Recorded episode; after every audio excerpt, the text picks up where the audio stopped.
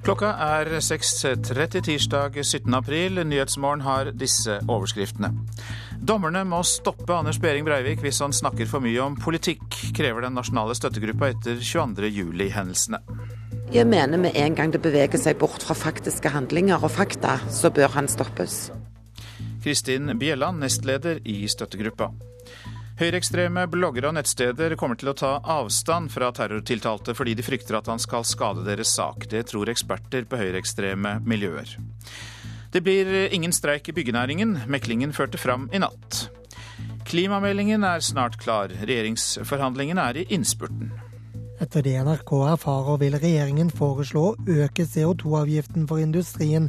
Samtidig skal det etableres et fond hvor industrien kan søke om penger til klimatiltak. I Nyhetsmorgen studio i dag, Øystein Heggen. Dommerne kan ikke la Anders Behring Breivik snakke for mye om sine politiske standpunkter. Det mener den nasjonale støttegruppa etter 22.07-hendelsene. Om eh, få timer skal eh, Breivik starte sin forklaring i retten om hvorfor han gjennomførte terrorangrepet mot Norge. Eh, jeg erkjenner handlingene, men ikke straffskyld. Og jeg påberoper meg nødrett. For mange i Norge tilhører denne stemmen mannen som drepte deres sønn eller datter. Breivik fikk snakke noe under gårsdagens rettsmøte, men dette blir det mye mer av i dag, under hans egen forklaring i retten. For i dag starter utspørringen om hvorfor han gjennomførte terrorangrepet. Nestleder i støttegruppa etter 22.07, Kristin Bjelland, sier retten må stanse Breivik fra å snakke om sine politiske synspunkter så langt det lar seg gjøre. Jeg mener med en gang det beveger seg bort fra faktiske handlinger og fakta, så bør han stoppes. Det viktige for oss er at han skal stå til rette for det han faktisk har gjort i regjeringskvartalet og på Utøya. Det er det viktige. Dette er ingen politiker, det er en massemorder. Jeg har jo forståelse for støttegruppas syn. Sier koordinerende bistandsadvokat i terrorrettssaken, Mette Yvonne Larsen. På den annen side så tenker jeg at det er jo på en måte hans budskap som også har gjort at han har eh, gjort disse handlingene. Så jeg tror at vi er nødt til å høre noe om det for å kunne ta avstand fra det, ikke minst. Så jeg tenker at han må få et visst spillerom. Det har også en tiltalt krav på i retten. Reporter her, det var Haldor Asvald. Etikk i journalistikken, det skal vi snakke om nå. Og det kan du si noe om, Svein Brurås. Du er førsteamanuensis ved Høgskolen i Volda og har skrevet lærebok om etikk som er pensum på journalistutdanningen. Hva slags eh, presseetiske utfordringer er det som oppstår i, dekningen av, i dekningen av saken?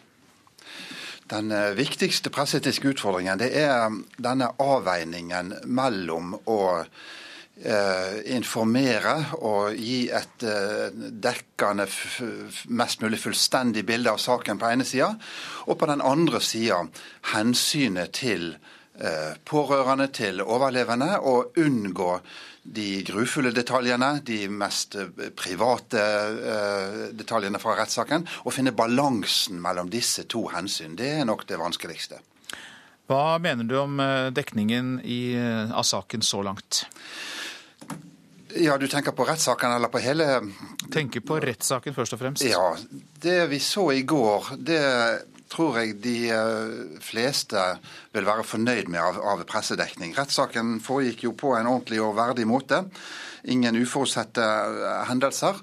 Og, eh, og, pressen gjorde så langt jeg kan se en god jobb. Norsk presse var ganske varsom. Noen vil mene at de kanskje var for varsomme når de unnlot å vise denne propagandafilmen fra Behring Breivik som ble vist i retten. Hvorfor det? Fordi vi da kunne forstå eh, hans eh, argumentasjon eller beveggrunner bedre ved å se den? Ja, det er, det er en viktig del av det som skjedde i, i retten i går. Og en eh, bør formidle mest mulig av det som skjer i retten, hvis det ikke er veldig sterke grunner til å, å eh, la være. Og Denne videoen som ble vist, den kan interesserte uansett se på nettet. Den, den uh, ligger der, så mange vil nok mene at, at den burde ha vist den òg. Nå er det altså utenlandske medier der i stor grad. De eh, gjør det annerledes. CNN sendte f.eks. lyden av hele tiltalebeslutningen, og BBC også. Hva er best i forhold til de presseetiske retningslinjene, syns du? Når det gjelder eh, formidlingen av eh, aktors eh, lange foredrag i går, så syns jeg at, at eh, NRK og TV 2 gjorde et rett valg med å, å ta vekk lyden på, på, eh, på deler av den. Eh, det er temmelig grufulle detaljer som formidles her, fra, fra obduksjonsrapporter. og der er noe slike informasjoner som ikke hører hjemme i offentligheten. Så jeg syns nok at norsk presse der valgte riktig. Og vi så jo at dansk og svensk eh, fjernsyn fulgte den norske praksisen. Mange takk skal du ha, Svein Brurås, førsteamanuensis ved Høgskolen i Volda. I dag og resten av uka skal altså Anders Behring Breivik forklare seg i Oslo tingrett om sine motiver for terrorhandlingene 22.07. Også høyreekstreme bloggere og nettsteder vil følge med på det han sier.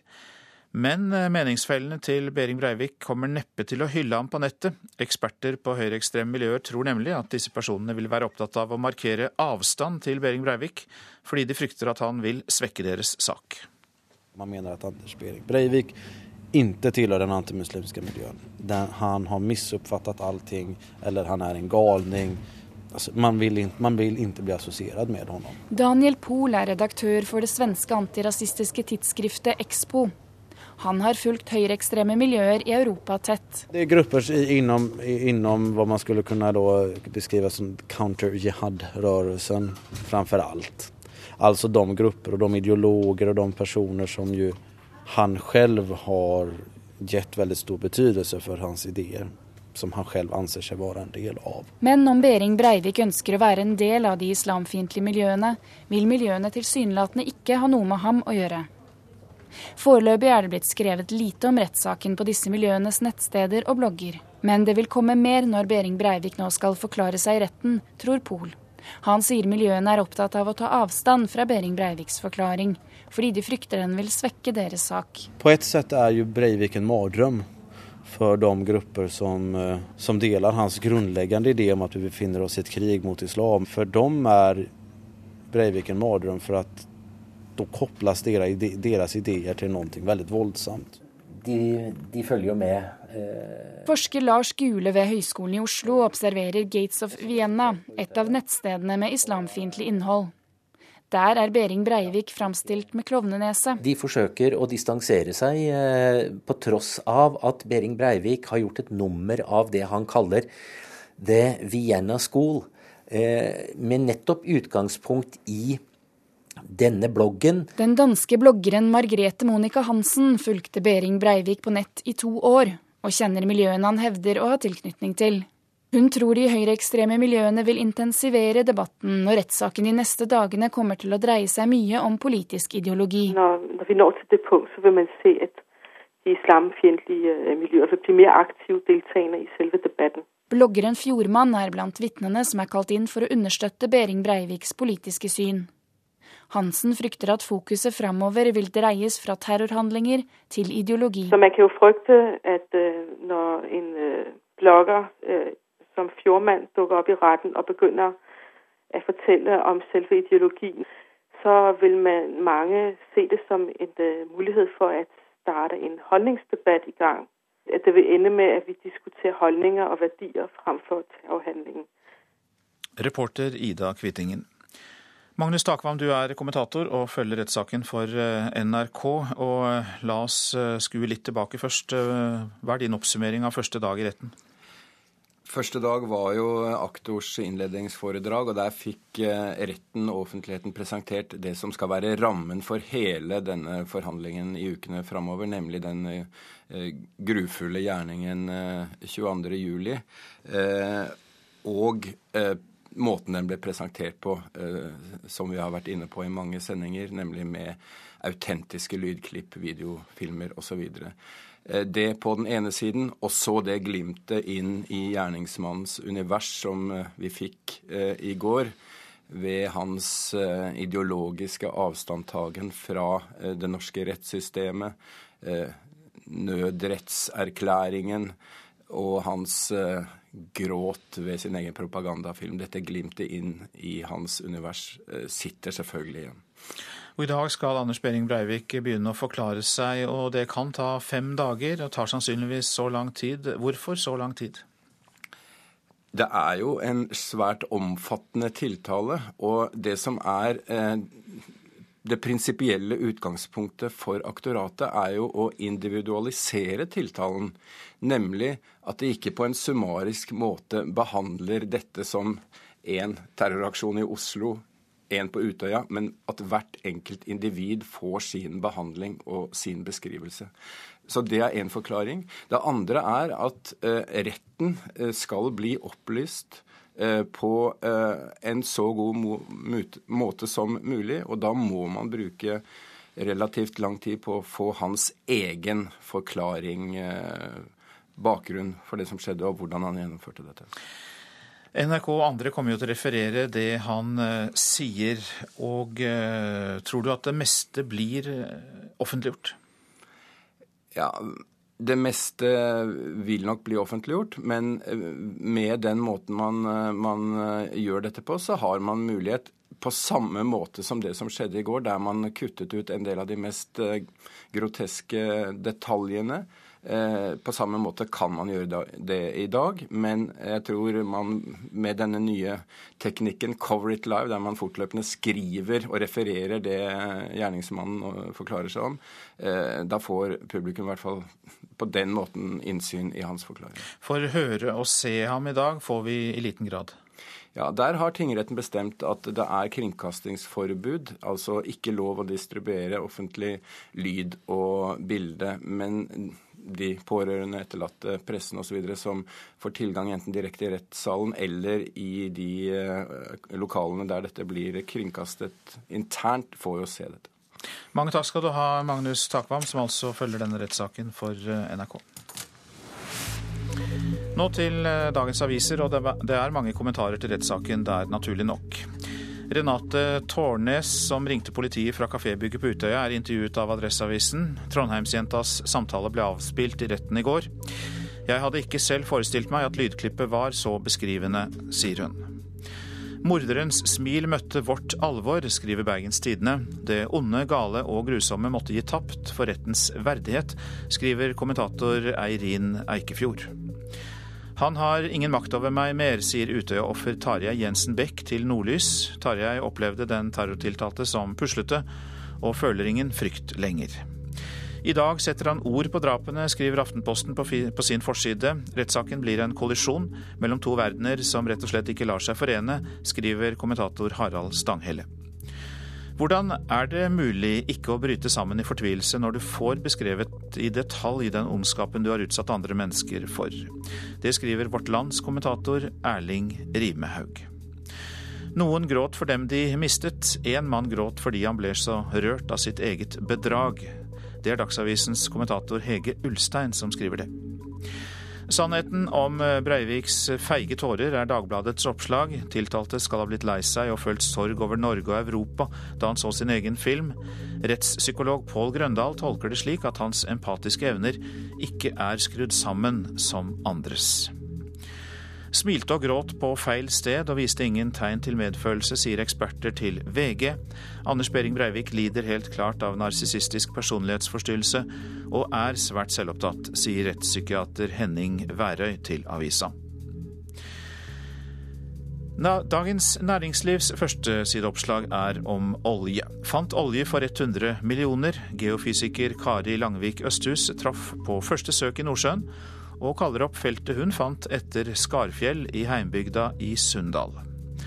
Vil fortsette å provosere, skriver Klassekampen om Siv Jensen. Frp-lederen nekter å endre tonen i innvandringsdebatten. Vi er ferdige med at 22.07 legger begrensninger på det politiske ordskiftet, sier hun før partiets landsmøte denne uka. Vannkrav fra EU kan gi milliardtap, det er nasjonens oppslag. Kraftverkene kan bli nødt til å la det renne mer vann i norske elver, som en konsekvens av EUs vanndirektiv.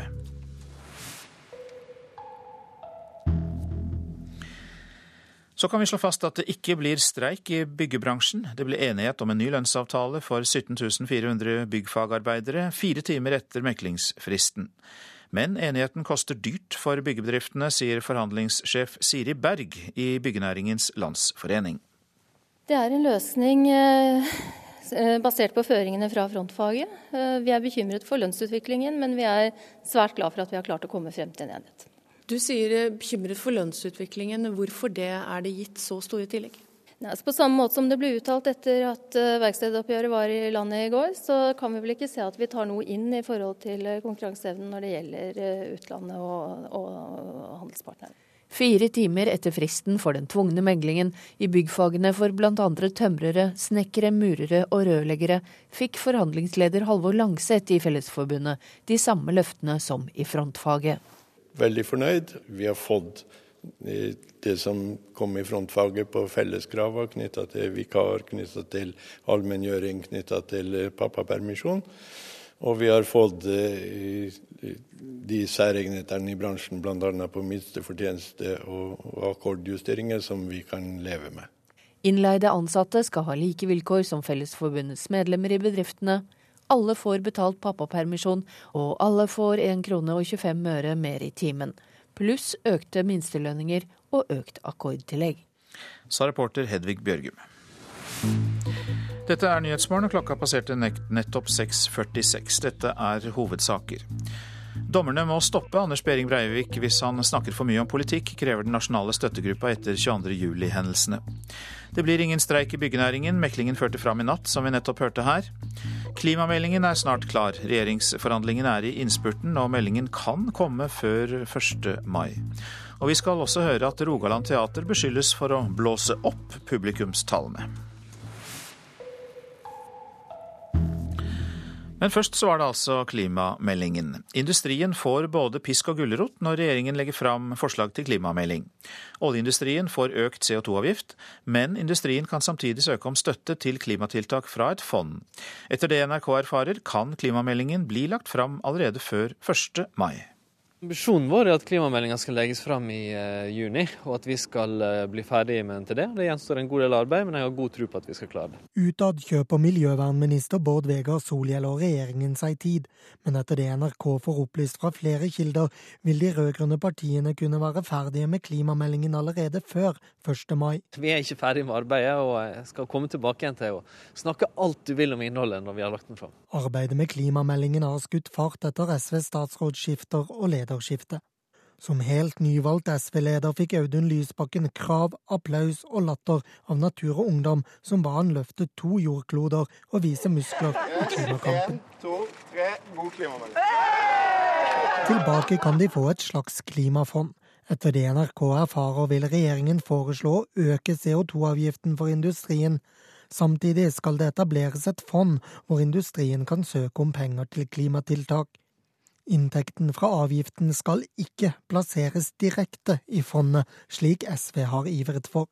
Så Lysbakken er avhengig av at løsningen er spiselig for medlemmer og miljøbevegelse. Hvis dere klapper nå, så tolker jeg det som at jeg som ny leder i SV får med meg et mandat fra dette landsmøtet som er viktigere enn alle andre akkurat nå. Få gjennomslag for en god klimamelding. Mer om dette i Politisk kvarter om en knapp time på P2 Alltid nyheter. Reporter var Lars Nehru Sand. Stabæk ligger nederst på Eliteseriens tabell etter tapet mot Hønefoss i går, men trener Petter Belsvik tror at hans eh, unge mannskap vil slå tilbake. Laget har etter fire serierunder bare klart å skåre ett mål, og sluppet inn ti baklengsmål i egne nettmasker. Den er ikke noe god. Sier Stabæk-trener Petter Belsvik om følelsen etter gårsdagens 2-0-tap for Hønefoss. Økonomiske problemer førte til at Stabæk har måttet skifte ut nesten hele stallen fra fjorårssesongen. Et ungt mannskap ble nedrykksdømt før sesongen av ekspertene. Status etter fire serierunder er ett poeng, kun én skåring og sisteplass. Vi må akseptere å tape, og så må vi jobbe knallhardt for å prestere enda litt bedre og være enda mer nøyaktig, spesielt på siste tredjedel, begge veier. Så begynner eh, kamper å bikke i vår favør. 35 år gamle David Hansen er en av få veteraner i Stabæk-laget. Han innser at lagets lave snittalder kan gjøre kampen mot nedrykk tøffere. Ja, altså, det, det, det kan jo fort gjøre det, men eh, samtidig så skal vi være veldig bevisst på at eh, vi skal lære av de feilene vi har gjort. og eh, Vi skal gå ut på en bra treningsuke og så skal vi være klare til neste gang. I går sørget finske Riko Riski for at Hønefoss tok sesongens første seier med to skåringer. Samtidig som Stabæk ble liggende helt sist på tabellen. Nei, det, det, er aldri noe gøy det, men eh, hvis vi skal fokusere på det, så blir det i hvert fall ikke noe bedre. Så vi må bare fokusere på uh, spillet vårt og bli enda bedre til å uh, få ballen i mål. Men til tross for et tilnærmet helt nytt lag, Petter Belsvik tror Stabæk vil slå tilbake umiddelbart. Mange som sier at, at, man trenger veldig med tid. Jeg føler ikke at, at vi trenger så mye tid. Vi, er, vi har satt et spill. Uh, så er det å bli enda dyktigere i de avgjørende situasjonene. Eh, det er det vi må jobbe med. Ja, det er alltid en ny kamp å vise seg fram i. Til slutt eh, hørte vi da Stabæk-trener Petter Belsvik, ivrige supportere, og reporter Mats Håby.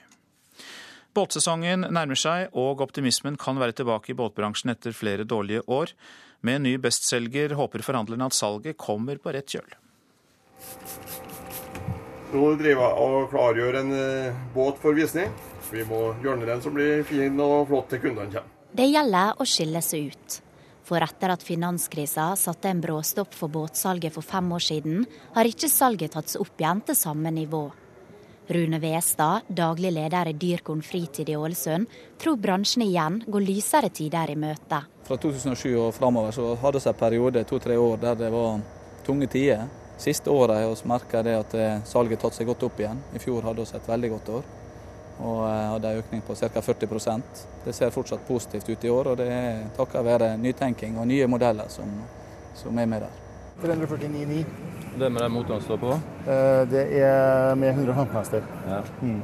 På messa Båt og sjøliv i Ålesund var det ikke statussymbol folk var på jakt etter. Jeg ser at det er en god båt som jeg kan ha barn og kone i sånn at de blir varme og har det fint når vi er ute på sjøen.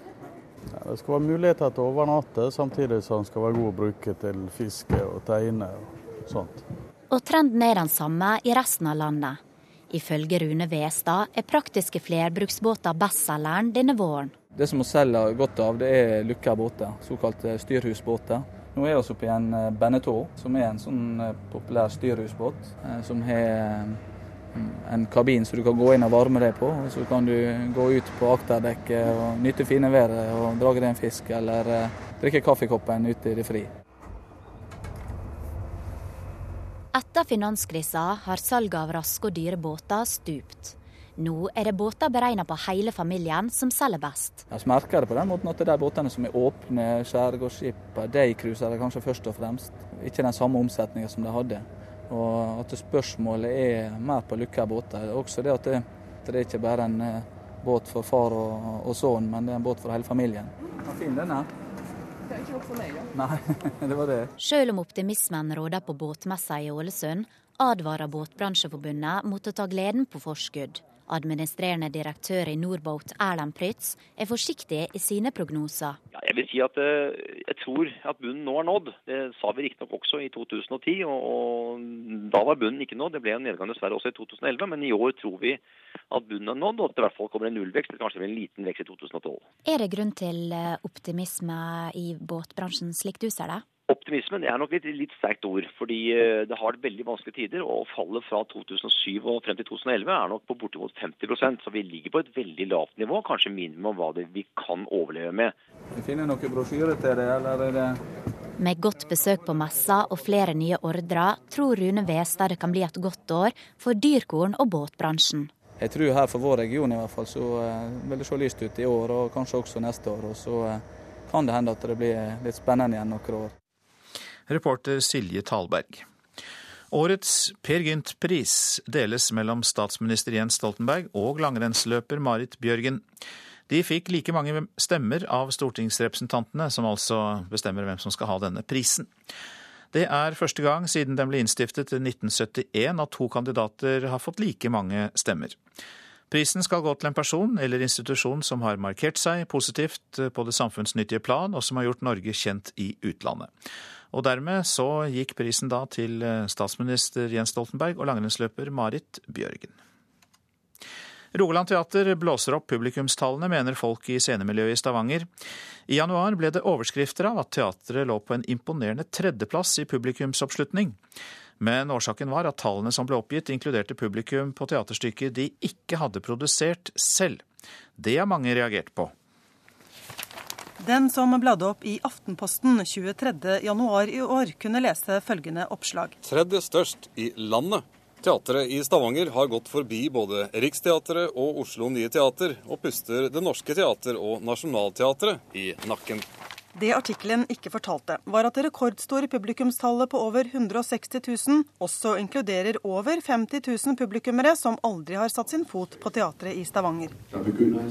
Over 22 000 dansker som så forestillingen 'Kvinne, kjenn din kropp' med Mungo Park Teaterkompani i København, er talt med. Det samme gjelder 11 000 dansker som så teaterkonserten Mozart på Betty Nansen-teatret i København i fjor. Med er også over 15 000 publikummere på julerevyen i Sola kulturhus. Teatret teller nemlig publikum på stykker der de har en eller annen form for samarbeid, og det kan variere. Det kan være alt fra en kulisse til kostyme eller annonseplass. Skal publikum på egen scene og egne stykker sammenlignes, ryker rekordøkningen i fjor, og teatret faller ned på sjetteplass. Helt greit, sier teaterdirektør Merete Eik. Den aktiviteten som da Rogaland Teater har i form av sitt samarbeid, syns vi er viktig å vise.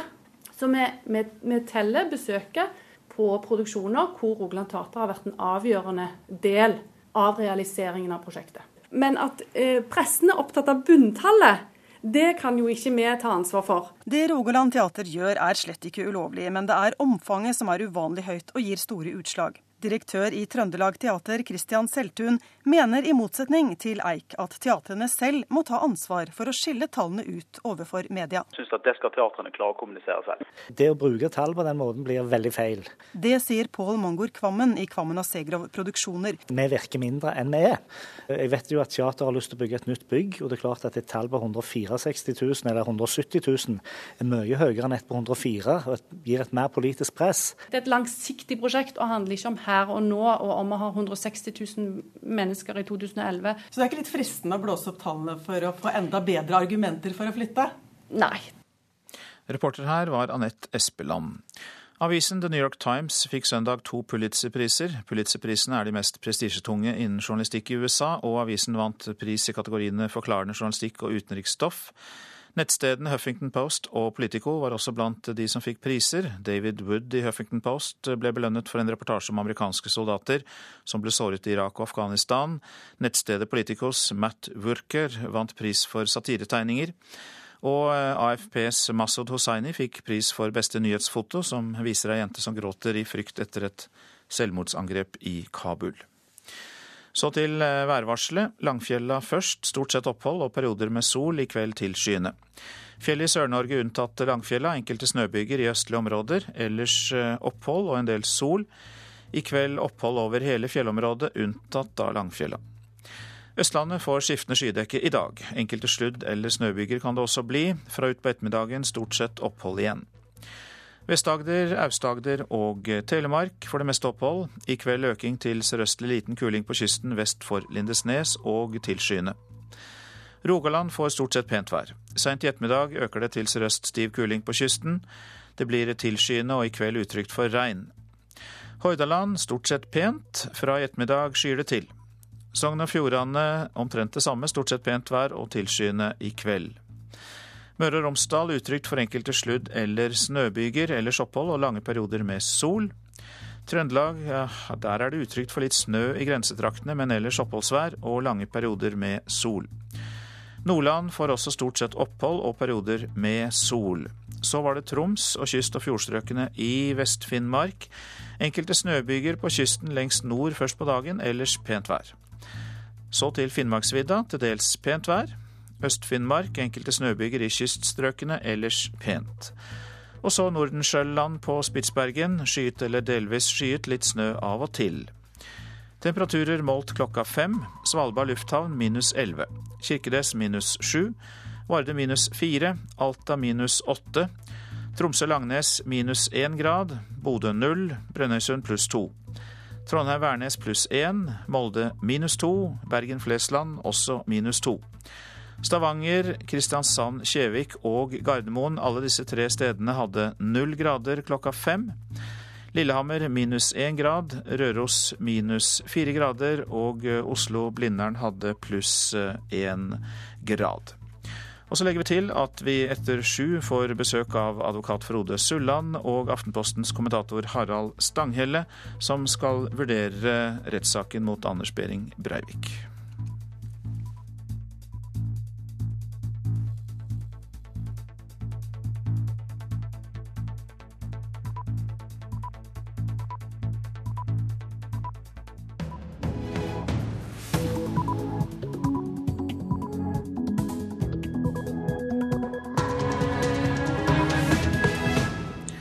Klokka er blitt sju, og du lytter til Nyhetsmorgen. Her er Øystein Heggen i studio i dag med denne nyhetsoppdateringen.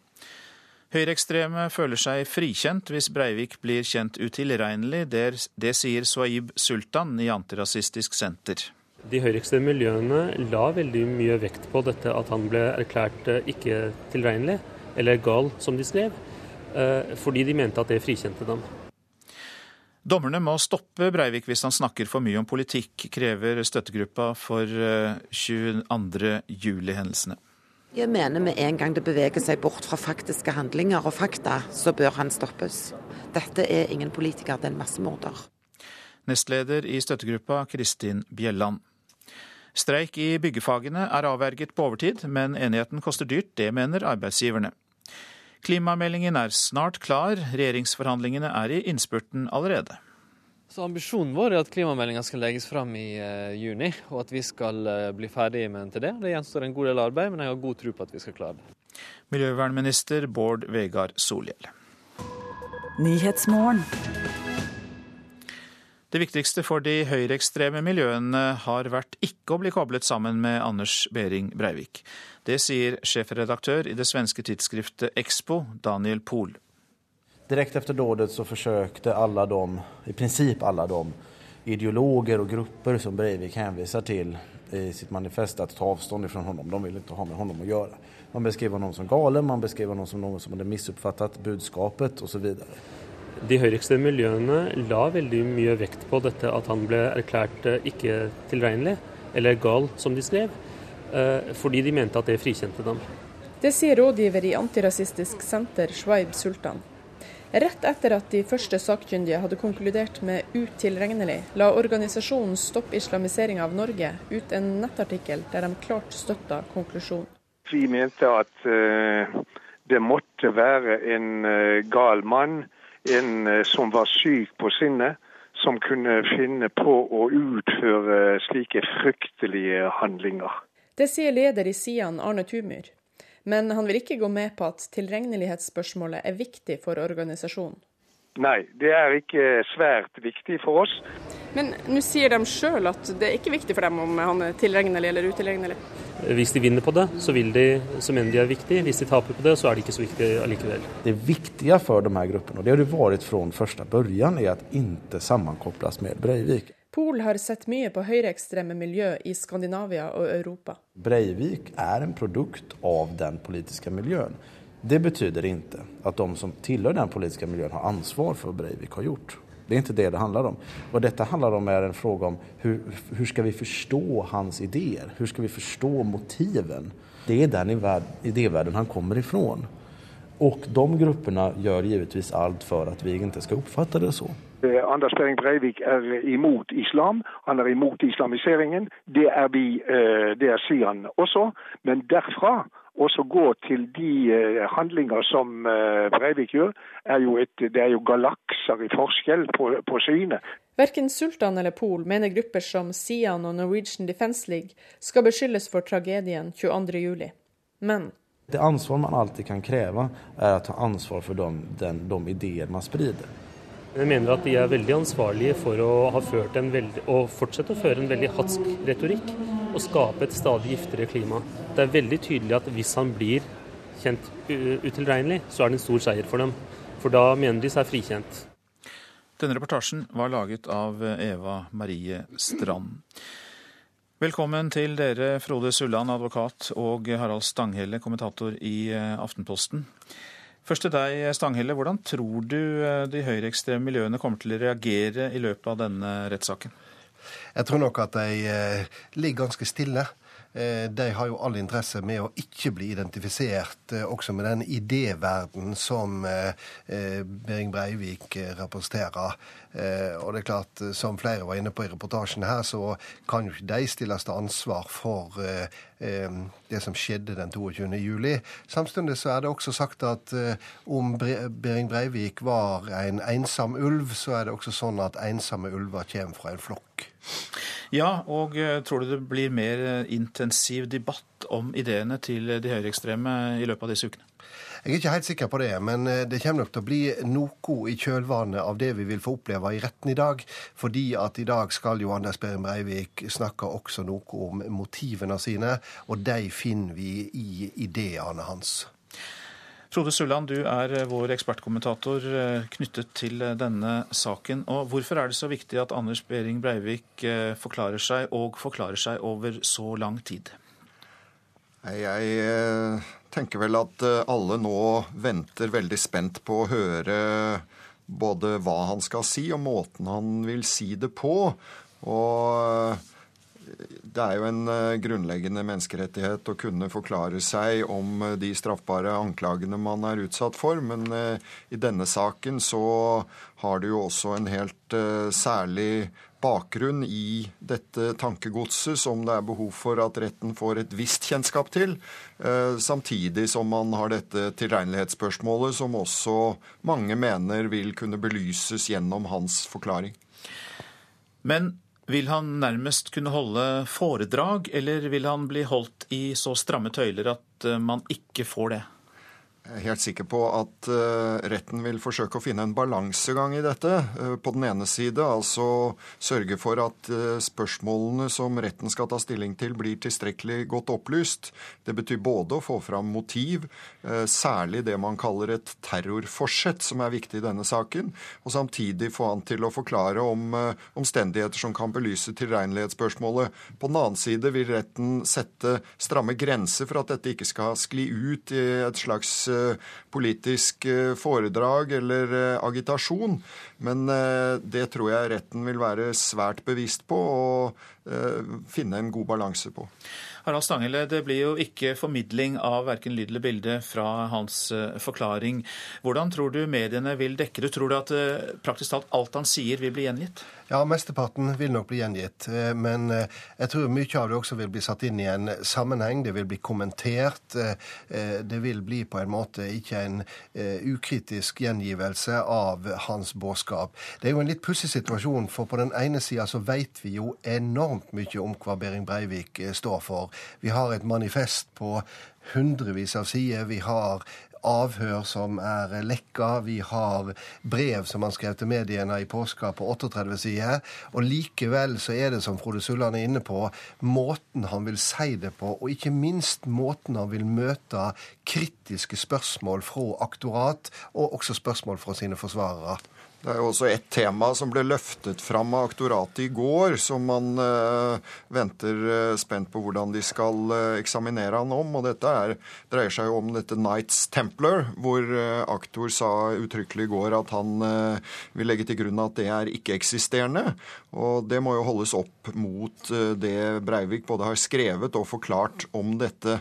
Og her er det vel også stor interesse blant de sakkyndige, som har tillagt dette forholdet ulik vekt. Ja, På hvilken måte er det interessant for de sakkyndige? Nei, Det er vel eh, slik at uh, de første sakkyndige har uh, argumentert med at dette er en del av hans vrangforestillinger, hans idéverden som ikke har noe rot i virkeligheten, mens sakkyndig par nummer to har sett på at han nå har forklart seg mer i retning av at dette var en fiksjon, en verden han selv ønsket å bidra til skulle komme til en slags eksistens. Og mange har sikkert også merket seg at i selve dette manifestet så skriver han om dette som en fiksjon. Og da blir det spørsmål lager han en fiksjon han ikke tror på, eller prøver han å fremstille det som en fiksjon for at andre ikke skal skjønne at han er syk i hodet? Ja da, dette er et kjernespørsmål. Eh, registrerte jo ellers at eh, aktor eh, flere ganger i går sa at det er veldig stort samsvar mellom Anders Behring Breiviks det han har forklart om det han gjorde, måten han gjorde det på, planlegginga, og det som etterforskninga har vist. Så for en gangs skyld, holdt jeg på å si, i en stor straffesak, så er det samsvar mellom det politiet har funnet, og det tiltalte har forklart. Stanghelle, du sa i stad at vi vet jo mye om Behring Breivik. Samtidig så var det mange som fikk fikk eh, ble overrasket i går da vi så hans eh, følelsesreaksjoner, mangel på følelser overfor de eh, omkomne og eh, følelser overfor sitt eget videoprodukt. Ja, det var jo veldig sterkt å se at eh, tårna falt når han så sin egen eh, kvakksalvervideo med korsfarerhyllest. Da falt tårna, mens da navn på navn, skade på skade ble lest opp, så var det ingen reaksjon å se. Nå er det alltid vanskelig å, å, å være hobbypsykolog og sitte på tilhørerbekk og tolke, men det var i hvert fall påfallende også fordi at dagen i går var jo så sterk fordi at den tok oss tilbake til 22. juli, og på en måte viste oss hva for nattsvart tragedie den var. Det er jo et interessant uh, forhold opp mot uh, det man snakker om varigheten av denne forklaringen. Fordi uh, Breivik er åpenbart opptatt av å fremstille seg selv på en spesielt behersket og kontrollert måte. Og når han nå skal forklare seg over så lang tid, så er det jo mange som er spente på hvordan vil han takle det. Vil da dette skallet slå sprekker, slik vi så at det gjorde i går? Og hva slags spørsmålsstillinger er det som kan bidra til at det slår sprekker? Et av mange meget interessante punkter vi skal følge med på framover. Hjertelig takk for at dere kom, advokat Frode Sulland. Du er vår ekspertkommentator eh, knyttet til denne rettssaken. Og Aftenpostens eh, kommentator Harald Stanghelle. Takk for at dere kom i studio. Også i dag er det lange køer for å komme inn i Oslo tinghus for å følge saken. Vil jeg anta, Per Arne Bjerke, du er utenfor tinghuset? Ja, det er mange pressefolk her, men eh, de er nå på vei gjennom sikkerhetsslusen. Og Oslo tingrett avvikler her på en veldig ordentlig måte. sånn at det er jo ikke noe av det kaoset som enkelte spådde på forhånd, selv om det er altså et stort antall pressefolk fra hele verden som følger denne rettssaken. Ellers er jo området rundt tinghuset her sperret av med gjerder. Gjerdene er pyntet med roser. Det var en dame her nå rett før sending som kom og la ned en ny bukett roser. Det er vakter overalt, det er væpnet politi, og rett foran meg her står TV-stasjonen og har sine sendinger i gang. Og så er det da klart for denne viktige dag to inne i Oslo tingrett. Ja, og du fulgte jo saken i tinghuset i går også, Per Arne Bjerke. Hvordan var dine inntrykk? Det var jo veldig sterke inntrykk. Her først har vi da aktor som leser opp de 77 drapene og beskriver hvordan hver enkelt blir drept. Og så så vi jo da denne videoen fra regjeringskvartalet. Vi så eksplosjonen og hva som skjedde med de menneskene som var i nærheten av bombebilen. Og så var det denne sterke samtalen fra Utøya hvor ei jente roper, hvisker til politiet 'kom nå', og vi hører skuddsalvene uh, i telefonen. Og det var mange ungdommer som ble drept mens denne samtalen pågikk. Så det var jo veldig sterke inntrykk, og det var jo en svært tung dag for de pårørende som var til stede her. Og de fikk høre hva som hadde skjedd med deres kjære denne forferdelige dagen 22.07. Per Arne Bjerke, takk til deg denne omgang. Du følger eh, saken eh, da fra Oslo tinghus. Eh, vi beveger oss til Bergen, for denne saken overføres jo til 17 domstoler rundt i Norge. Og Hanne Hagen Rotnes, du er i Bergen. Hvordan er interessen for saken der? Interessen er jo der, men det er langt ifra så mye oppstyr som det er i Oslo. Nå står jeg utenfor eh, tinghuset i Bergen, og her er det vel stort sett bare meg som står og venter. Det er ikke kommet så mange eh, til saken i dag, så vidt jeg har sett. Og i går så kom det veldig mye færre enn det som var forventet. Er det noen som har reflektert litt over årsaken til at det da var færre som kom til tingretten i Bergen i går? Ja, Direktøren i tingretten han mente det var fordi at dette var noe de fleste visste fra før og visste hva som kom. Og i tillegg så kunne de få med seg det meste hjemmefra. Har du fått noe inntrykk av hva folk venter seg av denne dagen i retten, Hanne Hagen Rotnes? Nei, det er knyttet stor spenning til det, egentlig, i og med at den terrortiltalte starter sin forklaring. og Det blir veldig spennende å se hvor mange som møter opp i Bergen tingrett i dag. I går var det bare 28 pårørende og etterlatte, i tillegg til syv bistandsadvokater, og det var forventet opp mot 90. Så det er plass til mange flere i Bergen? Ja, det var ingen trengsel i de to salene som er satt av. Mange takk for at du var med oss i Nyhetsmorgen, reporter Hanne Hagen Rotnes fra Bergen tingrett. Så til utenlandsk eh, dekning av denne saken. Russisk TV direkteoverførte åpningen av Breivik-saken i går. De store russiske avisene er også på plass i Oslo tinghus. En tidligere sjef for det russiske sikkerhetspolitiet FSB sier til NRK at det nesten er ubegripelig for ham at Norge kunne rammes av en slik terrorhandling. Denne virksomheten til april 2000 Russlands nasjonale TV-kanal Razia sendte åpningen av Breivik-saken direkte i går på sin 24-timers nyhetskanal. Rettens aktører blir simultanoversatt fra norsk til russisk i en helt usedvanlig TV-dekning fra en rettssak i utlandet til russisk fjernsyn å være. Så medieinteressen er stor i Russland for dette rettsoppgjøret i Oslo. Storavisen Isvestia redegjorde mer formelt for rettssakens struktur ved åpningen av Breivik-saken, mens nyhetsbyrået Interfax har mer omfattende løpende dekning. Interfax, som har stort nedslagsfelt i mange russiske aviser, fokuserte på spørsmål om Breiviks tilregnelighet, og redegjorde for at tiltalen kan ende med 21 års fengsel samt sikringsinstituttet. Sjefen for Russlands sikkerhetspoliti, FSB, under president Boris Jeltsin, Nikolai Kavaljov, frembringer sin medfølelse slik overfor NRK pga. Breiviks udåd. для человека, который неоднократно бывал в этой стране, Norge har min medfølelse, fordi landet som jeg har besøkt flere ganger, i bunn og grunn fremstår som en liten familie hvor alle kjenner hverandre, og hvor folk utelukkende er gode mot hverandre. Slik atskiller Norge seg fra andre land, og vi russere følte veldig med dere nordmenn da denne terrorhandlingen rammet dere, sier tidligere sjef for FSB Nikolai Kavaljov, men han legger til были, конечно же, все э, основания для того, чтобы fra et profesjonelt synspunkt er det jo beklagelig at det fantes mange muligheter til å avskjære denne terrorhandlingen. Slik ser jeg det som sikkerhetspolitimann. For på internett ble jo synspunktene til Breivik spredt, og det burde mine norske kollegaer ha reagert på i tide, sier Russlands gamle sikkerhetspolitisjef. Men Nikolai Kavaljov ser også overvåkningsgradens dilemma.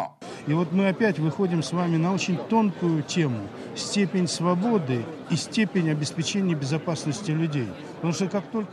nå kommer vi inn på et hårfint tema, graden av frihet og graden av sikkerhet for folk. For når det snakkes om behov for å overvåke internett, er jo innvendingen 'hallo, hva med friheten og hva med menneskerettighetene'? Men jeg tror at ethvert demokratisk samfunn er villig til kompromiss på dette feltet dersom livene til dem Breivik myrdet, kunne vært reddet, sier forhenværende sjef for Russlands sikkerhetspoliti, FSB, til NRK. Hans-Wilhelm Steinfeld, Moskva. Du lytter til Nyhetsmorgen, og klokka den passerte nettopp 7.17. Dette er hovedsaker. Høyreekstreme blogger og nettsteder kommer til å ta avstand fra terrortiltalte Anders Behring Breivik, fordi de frykter at han skal skade deres sak, tror eksperter på høyreekstreme miljøer. Streik i byggefagene er avverget på overtid, men enigheten koster dyrt, mener arbeidsgiverne. Rogaland Teater beskyldes for å blåse opp tallene når de teller publikum. Tallene inkluderer nemlig stykker de ikke har produsert selv. Ja, det blir ikke streik i byggebransjen. Enigheten kom eh, om en ny lønnsavtale fire timer etter meklingsfristen, og det gjelder da 17 400 byggfagarbeidere. Men denne enigheten koster dyrt for byggbedriftene, sier forhandlingssjef Siri Berg i Byggenæringens Landsforening. Det er en løsning eh, basert på føringene fra frontfaget. Eh, vi er bekymret for lønnsutviklingen, men vi er svært glad for at vi har klart å komme frem til en enighet. Du sier eh, bekymret for lønnsutviklingen. Hvorfor det er det gitt så store tillegg? Nei, på samme måte som det ble uttalt etter at eh, verkstedoppgjøret var i landet i går, så kan vi vel ikke se at vi tar noe inn i forhold til eh, konkurranseevnen når det gjelder utlandet og, og handelspartnere. Fire timer etter fristen for den tvungne meglingen i byggfagene for bl.a. tømrere, snekkere, murere og rørleggere, fikk forhandlingsleder Halvor Langseth i Fellesforbundet de samme løftene som i frontfaget veldig fornøyd. Og så er det noen ting vi selvsagt gjerne skulle ha det litt bedre på. Så. Ja, Vi kan ta det siste først. Hva skulle du hatt mer av?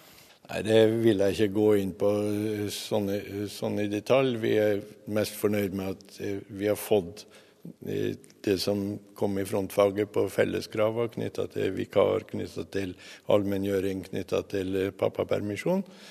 Og vi har fått de særegenhetene i bransjen, bl.a. på minstefortjeneste og akkordjusteringer, som vi kan leve med. Innleide ansatte skal ha like vilkår som Fellesforbundets medlemmer i bedriftene. Alle får betalt pappapermisjon, og alle får 1 krone og 25 øre mer i timen. Pluss økte minstelønninger og økt akkordtillegg. Vi har en individuell minstelønn, og da blir den det viktige gulvet for oss. Det blir et lønnsgulv i bransjen, kan man si det sånn? Ja, minstefortjenesten er et lønnsgulv. Hvor eh, mye er det gulvet nå? For fagarbeidere så er det 169 kroner timen. Reporter som har fulgt denne saken i natt, Hedvig Bjørgum. Vi skal til Sudan. Etter at sørsudanske styrker invaderte et viktig oljefelt i Sudan, har nasjonalforsamlingen i Sudan enstemmig erklært regjeringen i Sør-Sudan som sin fiende. Og Lars Sigurd Synnonå, du er i Sudans hovedstad Khartoum. Hva innebærer dette vedtaket fattet av nasjonalforsamlingen? Ja, det er jo ennå ikke noen direkte krigserklæring, men det er så nær en kan komme en slik eh, ytring fra parlamentet her i Khartoum. Det er mer og mer avstemt nå mellom regjeringene i eh, Juba i sør og regjeringen her. Og de nærmeste dagene vil jo vise om det nå bryter ut full krig mellom eh, de to nasjonene. Det står om ressurser, og hva er siste nytt om det omstridte oljefeltet Heglig? Ja, Fortsatt står styrker fra Sør-Sudan inne i det som da regjeringen her i Khartoum mener er sudansk territorium, og som er internasjonalt anerkjent for å være det. Eh, det man frykter, er at eh, de sørsudanske styrkene skal ha minelagt området rundt oljefeltet, slik at når offensiven kommer fra Sudans her for å gjenerobre området, så, så blir denne gjenerobringen svært vanskelig og kanskje svært blodig. Finnes det i det hele tatt utsikter til en løsning mellom de to partene som ikke innebærer krigføring? Ja, Det diplomater her i Khartoum nå setter sin ikke sin lit til, men iallfall har et visst håp om, er at når Sør-Sudans eh, president Salwa Kiir reiser til Beijing i neste uke, at da kineserne, som har store økonomiske interesser både i Sudan og Sør-Sudan, vil eh, prøve å få til et Eh, prøve å få overtalt Salwa Kiir til å trekke sine soldater ut fra Hegelig-området, slik at man iallfall kan begynne å snakke om å komme tilbake til forhandlingsbordet igjen. For det, det, er jo nå en bitter skilsmissestrid som foregår mellom Sudan og Sør-Sudan etter at uh, Sør-Sudan løsrev seg fra Sudan i juli i fjor, og hvor man ennå ikke er blitt enige om hvordan oljeinntekter skal fordeles, hvor grensene skal gå og hvilken status innbyggerne i de to landene skal ha i forhold til hverandre. Det er jo veldig mange folk fra Sør-Sudan som fortsatt holder til her i selve Sudan, og omvendt. Sånn at dette er et skilsmisseoppgjør som blir bitrere og bitrere. Mange takk skal du ha, vår korrespondent Lars Sigurd Sunnanå, som altså rapporterte fra Sudans hovedstad Khartoum. Australia skal trekke soldatene sine ut fra Afghanistan i 2013, ett år tidligere enn planlagt. Det sier statsminister Julia Gillard. Meningen var at soldatene skulle stå der ut 2014, men nå mener Gillard at afghanerne er klare til å ta over ansvaret for sikkerheten tidligere enn antatt.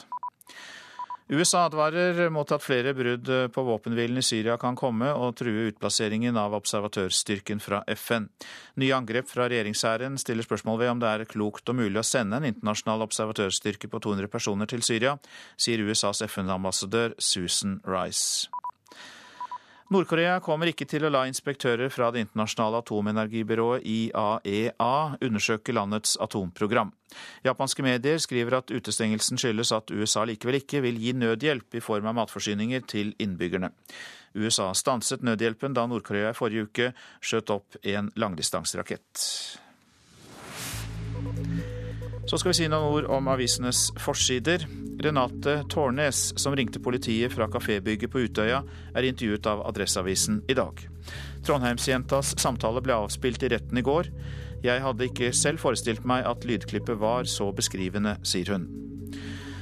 Morderens smil møtte vårt alvor, skriver Bergens Tidende. Det onde, gale og grusomme måtte gi tapt for rettens verdighet, skriver kommentator Eirin Eikefjord.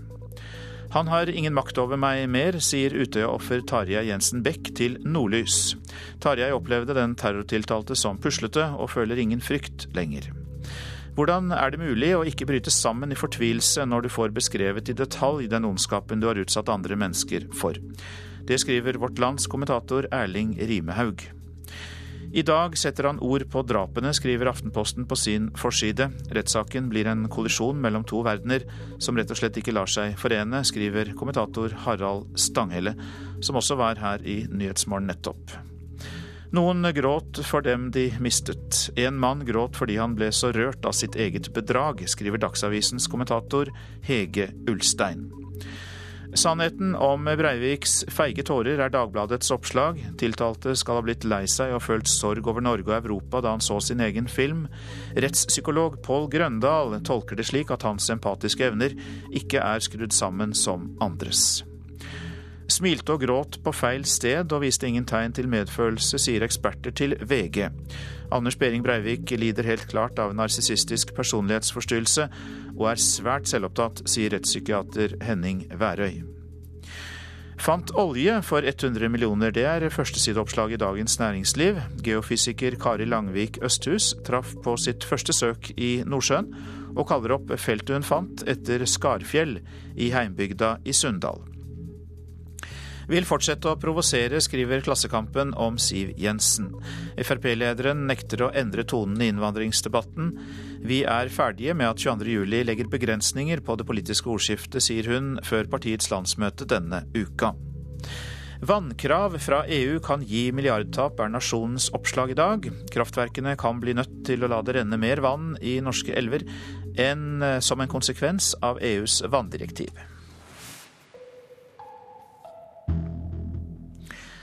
Sogn og Fjordane nå, for der advarer Skogeierlaget mot uh, ukritisk å sette i gang med rydding av turstier.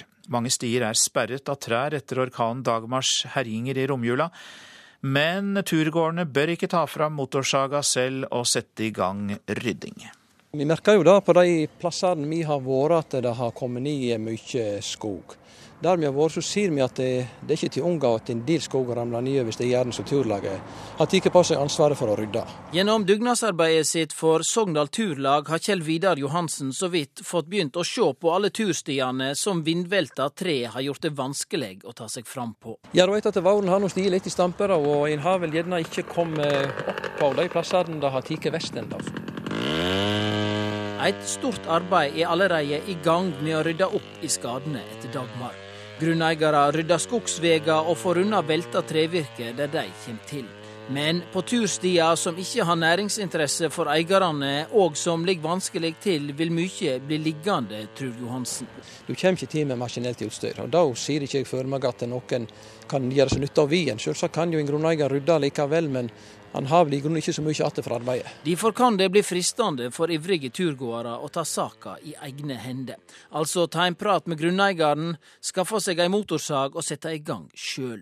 Men så enkelt er det ikke, sier skogsjef Ola Nygård i Sogn og Fjordane Skogeierlag. Skogeier er ansvarlig for det som skjer på egen eiendom. og Hvis det er andre, altså i form av at man gir bort ved eller sette bort arbeidet i dugnadsform, så må du ha en avtale som, hvor ansvarsforholdet går over på bruker av motorsag, og ikke på skogeier. Altså Motorsag eh, er et fagredskap i utgangspunktet for de som ikke er vant med det. og Spesielt eh, under bruk av opprydning av vindfall, så eh, er det bare både saga og du kan si trærne som skal ryddes opp, som kan eh, utgjøre en stor risiko. Dermed kan skogeiere som gir andre lov til å rydde på sin eiendom, bli direkte ansvarlige om noen skader seg. De bør jo tenke seg om, for eh, det er ikke helt ufarlig å begynne å rote med rotvelter. Så det kan gå galt. Kjell Vidar Johansen tilrår heller å fjerne greiner eller finne nye veier rundt. En del av kjempene de blir nok liggende til de morkner, helt opplagt. Det blir de. Men eh, slik så det vi har sett nå og det vi har rydda, så er ikke det noe hinder for at en kan bruke stien likevel. For vi har tatt vekk det som har vært kratt og busker og greiner, og da kan en gå rundt disse her veltene. For da finner en igjen stien likevel, og den blir jo merket da, eventuelt rundt disse områdene. Det sa Kjell Vidar Johansen i Sogndal Turlag. Reporter Arve Uglum. Du lytter til Nyhetsmorgen på NRK P2. Etter Dagsnytt så skal vi høre om pinlig nøyaktig stoppeklokkedemokrati på fransk TV under presidentvalgkampen. Så er klimameldingen tema i Politisk kvarter. Prosent for Nyhetsmorgen i dag, Silje Katrine Bjarkøy. Her i studio Øystein Heggen. Og vi venter bitte litt på Dagsnytt ved Silje Sande.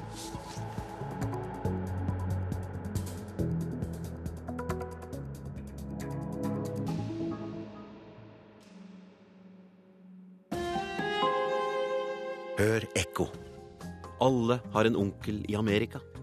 Men mange nordmenn valgte Sør-Amerika, og deres historie er nesten neglisjert.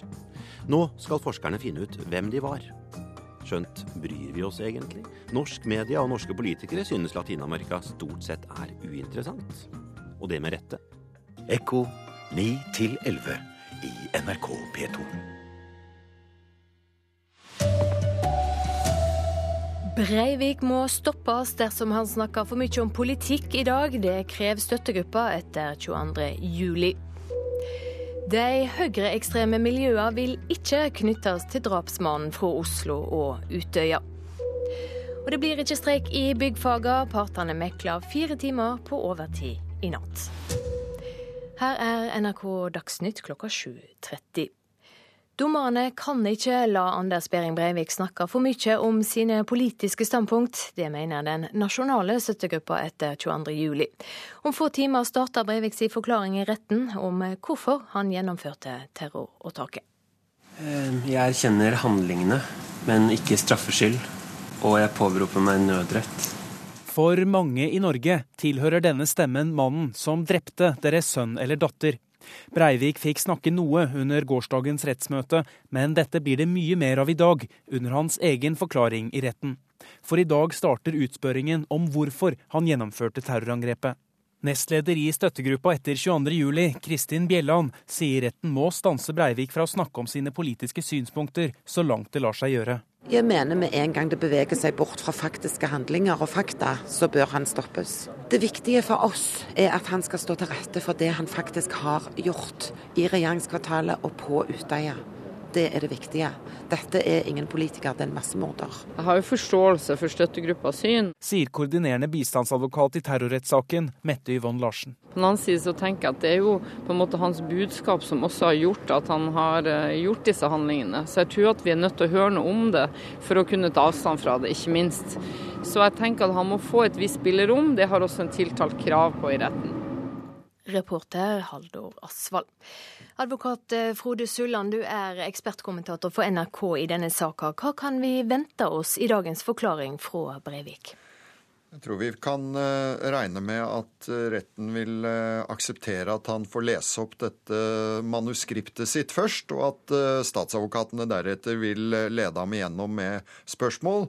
Og da hele historien, så å si. Både hans bakgrunn, hans motiver og hendelsene den 22. juli. Støttegruppa mener at dommeren må stoppe Breivik hvis han snakker for mye om eh, politikk. Vil de gjøre det? Ja, de vil nok sette noen grenser, men eh, samtidig så har han altså sin eh, rett til å begrunne hvorfor han gjorde dette. Og i denne saken så vil jo også behovet for å belyse hans tilregnelighet gjøre at eh, mange vil være opptatt av at han skal kunne forklare seg utførlig om en del av det tankegodset han har basert denne handlingen på. Det er satt av fem dager til Breiviks forklaring. Hvorfor så lenge? Det er jo et eh, omfattende faktum som skal belyses. Man ønsker jo å få hans forklaring knyttet til hele hendelsesforløpet, både i regjeringskvartalet og på Utøya. Men i tillegg så kommer altså alt som har å gjøre med terrorforsett, som det heter. Altså selve motivet og tilregnelighetsspørsmålet. I dette siste så ligger jo også alt eh, rundt f.eks. Eh, dette Knights Templar, det han selv nå kaller en fiksjon, men som han har beskrevet utførlig, og omhandler seg selv som en slags kommandør innenfor. Noen grete, andre forlet rettssalen i går. Kan vi si noe om hva som venter de pårørende i dag? Jeg tror eh, man skal stålsette seg til at eh, dette blir en eh, kraftfull opplevelse. Tidligere har han jo kommet bare med korte statements, så å si, i retten. I dag skal han få lov å forklare seg over mange timer. Og det vil nok være en, en voldsom opplevelse, tror jeg, både for de pårørende og alle oss andre. Takk skal du ha, Frode Sulland. De høyreekstreme miljøene brukte den første rapporten til å distansere seg fra Anders Behring Breivik. Det sier Soeib Sultan i Antirasistisk Senter. Etter at de to nye rettsoppnevnte psykiaterne konkluderte med at Breivik er tilregnelig, ble det stille fra høyresida, sier Sultan. De høyreekstreme miljøene la veldig mye vekt på dette at han ble erklært eh, ikke tilregnelig, eller gal, som de skrev, eh, fordi de mente at det frikjente dem. Det viktige for de her gruppene, og det har det vært fra første begynnelsen, er at ikke sammenkobles med Breivik. Det sier sjefredaktør Daniel Pohl i det svenske tidsskriftet Expo. Da de første sakkyndige konkluderte med utilregnelig, applauderte organisasjonen Stopp islamiseringa av Norge. Det måtte være en uh, gal mann, en uh, som var syk på sinnet, som kunne finne på å utføre slike fryktelige handlinger. Men leder i Sian, Arne Tumyr, avviser at tilregnelighetsspørsmålet er sentralt for dem. Nei, det er ikke svært viktig for oss. Men nå sier de sjøl at det er ikke viktig for dem om han er tilregnelig eller utilregnelig? Hvis de vinner på det, så, de, så mener de er viktig. Hvis de taper på det, så er det ikke så viktig allikevel. Verken Sultan eller Pol mener grupper som Sian og Norwegian Defence League skal beskyldes for tragedien 22.07. Men det ansvar man alltid kan kreve, er å ta ansvar for de, den, de ideer man sprider. Det at de har vært med på å piske opp den stemningen, mener jeg at det er helt, eh, helt uten tvil. Sultan i Antirasistisk Senter, han hører med til de som pisker opp stemningen. Han skulle gå stille i dørene med hvem som pisker, pisker opp stemningen. ja. Reporter Eva Marie Strand. Og De høyreekstreme har all interesse av å ikke bli identifisert med Breivik. Det sier Aftenpostens politiske redaktør Harald Stanghelle. Jeg tror nok at de eh, ligger ganske stille.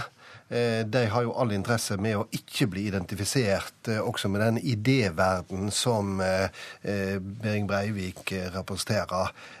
Og det er klart, som flere var inne på i reportasjen her, så kan jo ikke de stilles til ansvar for det som skjedde den 22. juli. Samtidig så er det også sagt at om Behring Breivik var en ensom ulv, så er det også sånn at ensomme ulver kommer fra en flokk. I går var det lange køer for å komme inn i Oslo tinghus for å følge terrorrettssaker.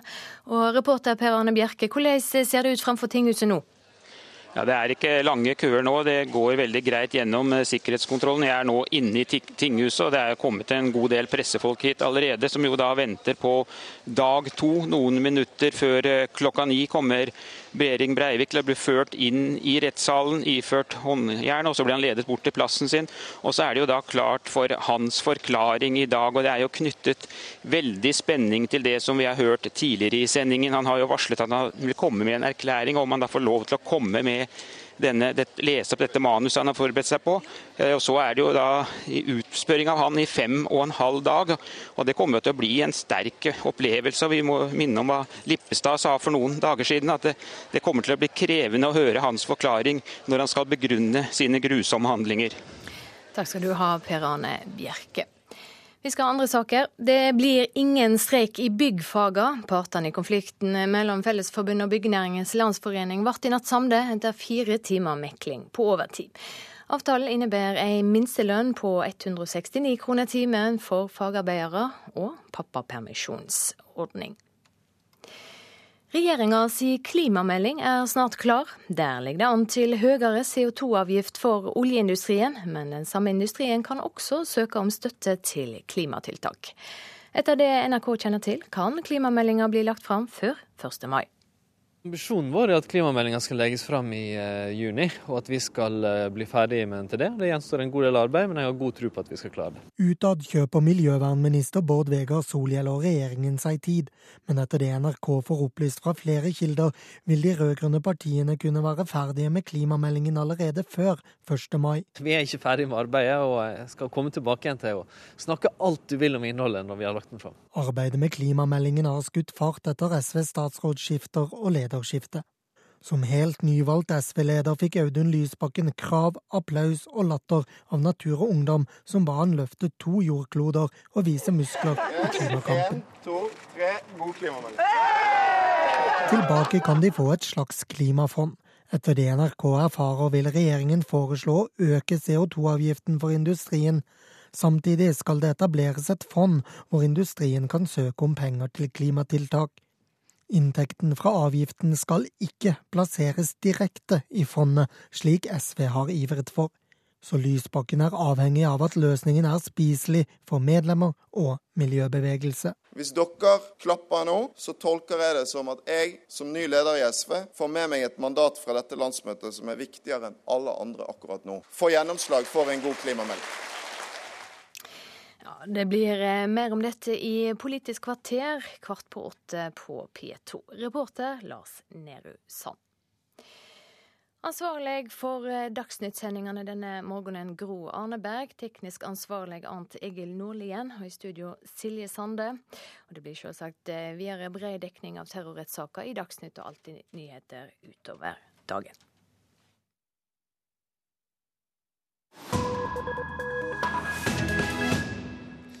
Du lytter til Nyhetsmorgen. Frankrike har meget strenge regler for taletid i mediene under presidentvalgkampen. Den skal være likt fordelt, uansett om du representerer et bitte lite anarkistisk parti eller er den sittende president. Dette stoppeklokkedemokratiet er unikt i europeisk sammenheng.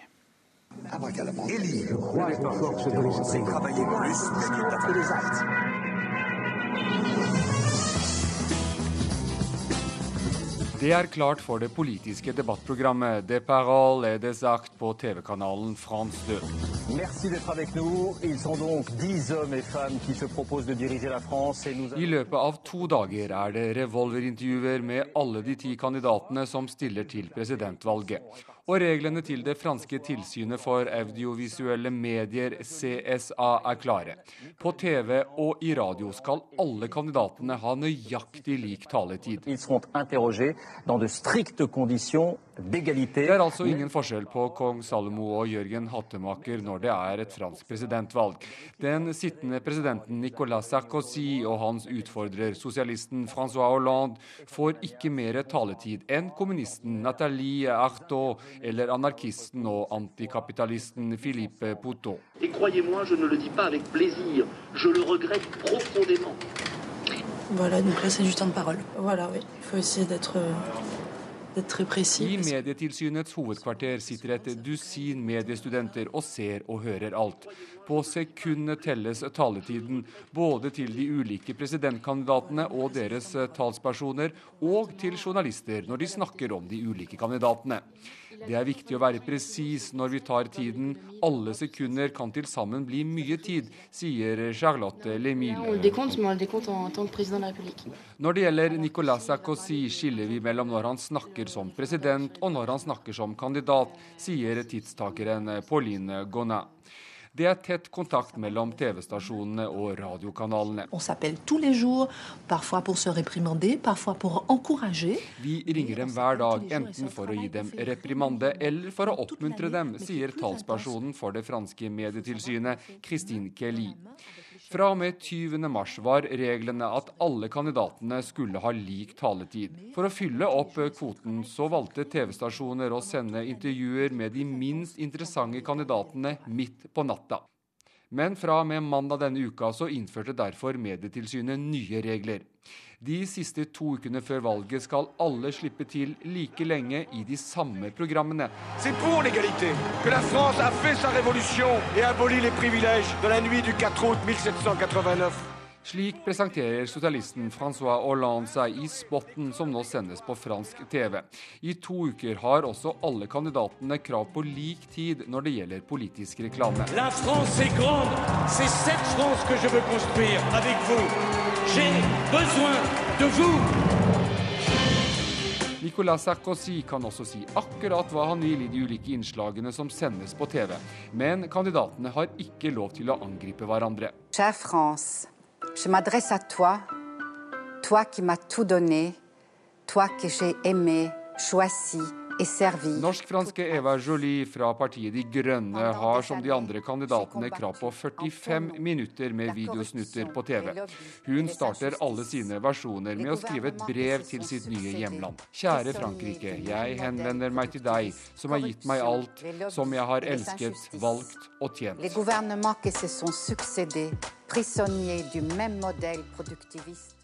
Og det var Erik Aasheim som hadde laget denne reportasjen. Du lytter til Nyhetsmorgen. Vi har disse hovedsakene.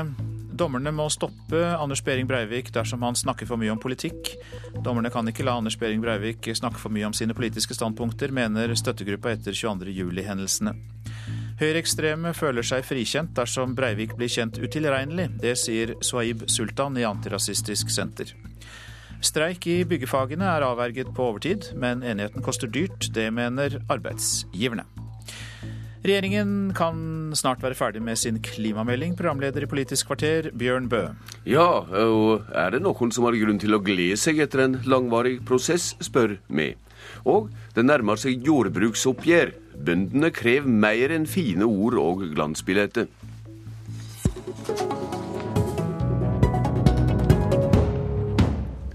I Nyhenda har vi hørt at regjeringa er i ferd med å avslutte dragkampen om klimameldinga, som har vært utsatt mange ganger. Nå er det snakk om konkrete tiltak fram mot 2020. En høyrøysta debatt har gått på hvor mye utslipp som skal takast her hjemme, og hvor mye en skal kjøpe seg fri med kvoter andre steder i verden. Og hva er det som tegner seg nå, kollega Lars Nehru Sand? Det blir i hvert fall lagt opp til kutt her hjemme, og også oljenæringen må bidra til det. Det betyr at oljesektoren som sådan ikke er fredet. og Så får vi se da om SV klarer å overbevise oss med et regnestykke som viser at uh, nøyaktig to tredjedeler av de kuttene blir tatt her hjemme. Slik det ser ut nå, så ligger det i hvert fall ikke an til noen regjeringskrise, slik enkelte har sett muligheten for tidligere. Men det er helt klart en viktig sak som nå er, da er helt i innspurten. Det ble forhandlet sene kvelder, netter og i helgene forrige uke. Eh, klimameldingen som har vært utsatt flere ganger, ser nå ut til å bli klar i god tid før juni. Eh, og så får vi se da om eh, terrorrettssaken gjør at dette skjer første uka i mai, eller allerede før 1. mai. Ja, her har det altså vært debatt mellom annet om kvoter, og det har vært en situasjon der regjeringspartiene synes det har vært samlet om prosenter. Men hvorfor har det likevel vært slike motsetninger om de praktiske tiltakene? Selve prosentmålene har for så vidt også vært omstridt, men regjeringspartiene har i sitt arbeid med denne meldingen endevendt en rekke tiltak på alle sektorer som regjeringen styrer over. Eh, alt fra elektrifisering av sokkel til sykkelveier i storbyen viser spennvidden i det man har brukt som virkemiddelapparat. Eh, så det har bokstavelig talt tatt vinter og vår å bli enige om. Mm. Nå ser det ut til å bli økt CO2-avgift for oljeindustrien, men også et klimafond. Hvorfor er dette viktigere enn interne dragkampen? Og Det er et godt spørsmål, siden både oljenæringen og miljøbevegelsen eh, hver på sin måte har ivra for eh, fond som, som, et prinsipp. Altså at tanken er at forurenser skal betale ved en økt CO2-avgift til eh, oljenæringen, og at disse pengene skal gå til klimatiltak. SV har ivra for en direkte binding, altså at denne CO2-avgiften, eller inntektene fra den, skal plasseres rett inn i et nytt CO2-fond etter modell fra dette NOx-fondet, for de som kjenner til det. Eh, for SV har det da vært viktig å kunne eh, ha en langsiktig og robust løsning for at eh, forurenserpengene går til klimatiltak, mens det for Arbeiderpartiet har vært viktig at ikke alle saker skal ha hvert sitt fond. altså Det er ikke sånn at veiavgift driften går til noe veibyggingsfond, f.eks. Så med Karl Eirik Schjøtt-Pedersen, Sigbjørn Johnsen og Jens Stoltenberg, så er det klart at Finansdepartementets eh, ønske om å ha eh, kontroll over det til hver tid gjeldende statsbudsjett har vært stort. Sånn at uh, dette blir nok ikke et utelukkende klimafond. Danskene har et industrifond, noen snakker om et CO2-fond. Så hva man kaller katten, er vel ikke helt klart akkurat nå. I hva grad greier regjeringa nå å oppfylle de totale kutta fra det store klimaforliket i Stortinget, og som andre partier, altså i opposisjonen, har eh, vært skeptisk til at regjeringa klarer? Ja, Det er det store forventninger til i Miljø-Norge, som du sier. og eh, Nå leses jo også klimaforliket litt ulikt. Eh, noen snakker om at det viktigste er å kutte de 12-14 millioner tonnene med CO2-utslipp som, som, står omtalt. Noen sier det viktigste er at sluttstreken blir 45 millioner tonn, at det er det vi slipper ut i 2020. Nå er det ikke nødvendigvis sånn at noen av disse tre eh, aspektene blir konkludert så bastant med som mange vil ønske. Eh, så, så, får vi se hva eh, det endelige forslaget fra regjeringen vil bidra til. Om man skyver litt på dette i tid og, og viser til større kutt på sikt, eller hvordan man løser dette. Men eh, det som er viktig å si, er at dette er det som ikke er klart. altså Disse store overordna tallene er ikke ferdig er Det man sitter med nå denne uken her og neste. Med, man la dette til side fra forhandlingene på nyåret og, og begynte da å snakke om tiltakene heller enn de store overordna målene som da fortsatt gjenstår. Det høres ut som det kan ligge prokuratorknep i bunnen her, men et annet omstridt emne har vært om den norske skogen skal regnes inn i klimaregnskapen. Dette må du forklare. Ja, for det er faktisk forskjell på skog og skog, selv om det kanskje ikke er så lett å se for bare trær. Dette handler om at uh, den skogen som allerede finnes, er det begrensa i hvor stor grad man kan regne med i et klimaregnskap. Man kan tenke seg at Canada eller Russland kommer til internasjonale forhandlinger og sier at vi har så mye skog som binder opp så mye CO2 uh, eh, at vi trenger ikke gjøre stort mer, mens danskene da ikke har så mye skogareal, stakkar. Så som vi har lært på skolen om fotosyntesen, så er skog bra for klimaet. Men så har Senterpartiet spilt inn at dersom vi planter ny skog, som ellers ikke ville vært der, og nærmest setter et imaginært gjerde rundt denne skogen og sier at dette er et klimatiltak, hva da? Eh, Senterpartiet foreslo her i NRK å plante fem millioner dekar med skog. Mm. Det blir definitivt ikke så mye, men deler av dette prinsippet har man i hvert fall fått eh, gehør for i forhandlingene så langt. Da får vi se etter hvert hva tiltak som svir for folk flest, til dømes. Takk til deg, Lars Nehru Sand, leder i Norges naturvernforbund, Lars Haltbrekken. Nå må vi presisere at det ikke er to strek under regjeringas klimamelding ennå, som kollega Sand sa. Men hvor mye grunn til jubel er det fra din syn? Om det vi har hørt her? Det er vel kanskje litt tidlig å si noe om enda, men det som er viktig med klimameldinga, er at den klarer å sette Norge på en ny kurs i klimapolitikken, ut av drivhuset, eh, nær sagt. Eh, og noe av det aller viktigste er at eh, det blir dyrere å forurense. Særlig for oljeindustrien, som har de siste årene fått store rabatter på sine utslipp etter at de ble med i kvotesystemet. Så signalene om økt pris på forurensninga fra oljeindustrien er jo gledelig, men det spørs jo da hvor stor denne økninga eh, er. Det har jo faktisk vært avgiftslettelser på mm. flere milliarder kroner til oljeindustrien og deres forurensning de siste åra. Men eh, konkret, da, hva er dine viktigste vaktbikkjekrav til regjeringa nå i innspurten med klimameldinga? Det er det at det må bli dyrere å forurense. Ja, Det var du inne på, men hvor mye dyrere? Ja, Det må i alle fall opp på det nivået som det var før dette kvotesystemet uh, trådte i kraft. Uh, oljeindustrien har jo de siste årene uh, fått reduksjoner på et par milliarder.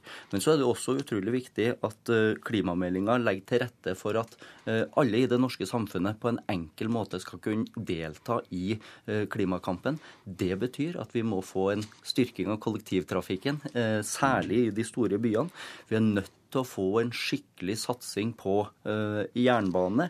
Og så er vi også nødt til å sørge for økt støtte til de uh, familiene uh, som faktisk ønsker å drive med energieffektivisering i sine hjem, sånn at vi kan få frigjort kilowattimer som vi f.eks. kan bruke til å elektrifisere deler av transportsektoren. Da får vi tro at regjeringa merker seg det. I alle fall, Haltbrekken, dersom regjeringa kommer med meldinga si før juni, er det kanskje et gode i seg sjøl i ditt bilde?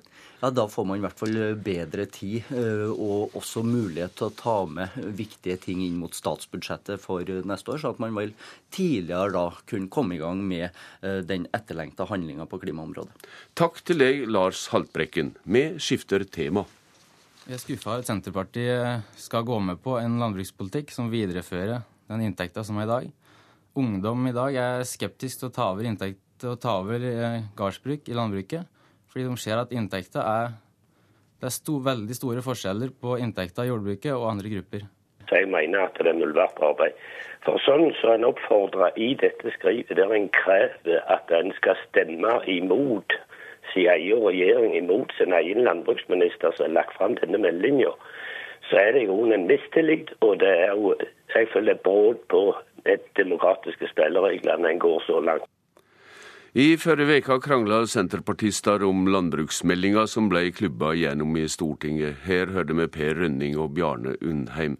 Nå står straks tingingene om de virkelige inntektene for jordbrukerne for døra. Velkommen til deg, leder i Norsk Bonde- og Småbrukarlag, Merete Furuberg. Takk. Du har sagt at du som jordbruker ikke tror på julenissen før du ser gåvene. Hva gaver er det du venter når tingingene med staten begynner om ei dryg uke? Uh, norske politikere tar ansvar. Det er uansvarlig. Og jeg vil òg si at det er idiotisk ikke å bygge opp landets matproduksjonsevne. Vi er nødt til å bryte en trend, og testen på de vakre, fine ord i stortingsmeldinga kommer nå under jordbruksforhandlingen, for da møter vi virkeligheten. Og hvis ikke det skjer noe endring nå, så blir det fare for folkets matsikkerhet. Så saken angår oss alle i landet, for alle eter mat. Og da er det snakk om mer penger?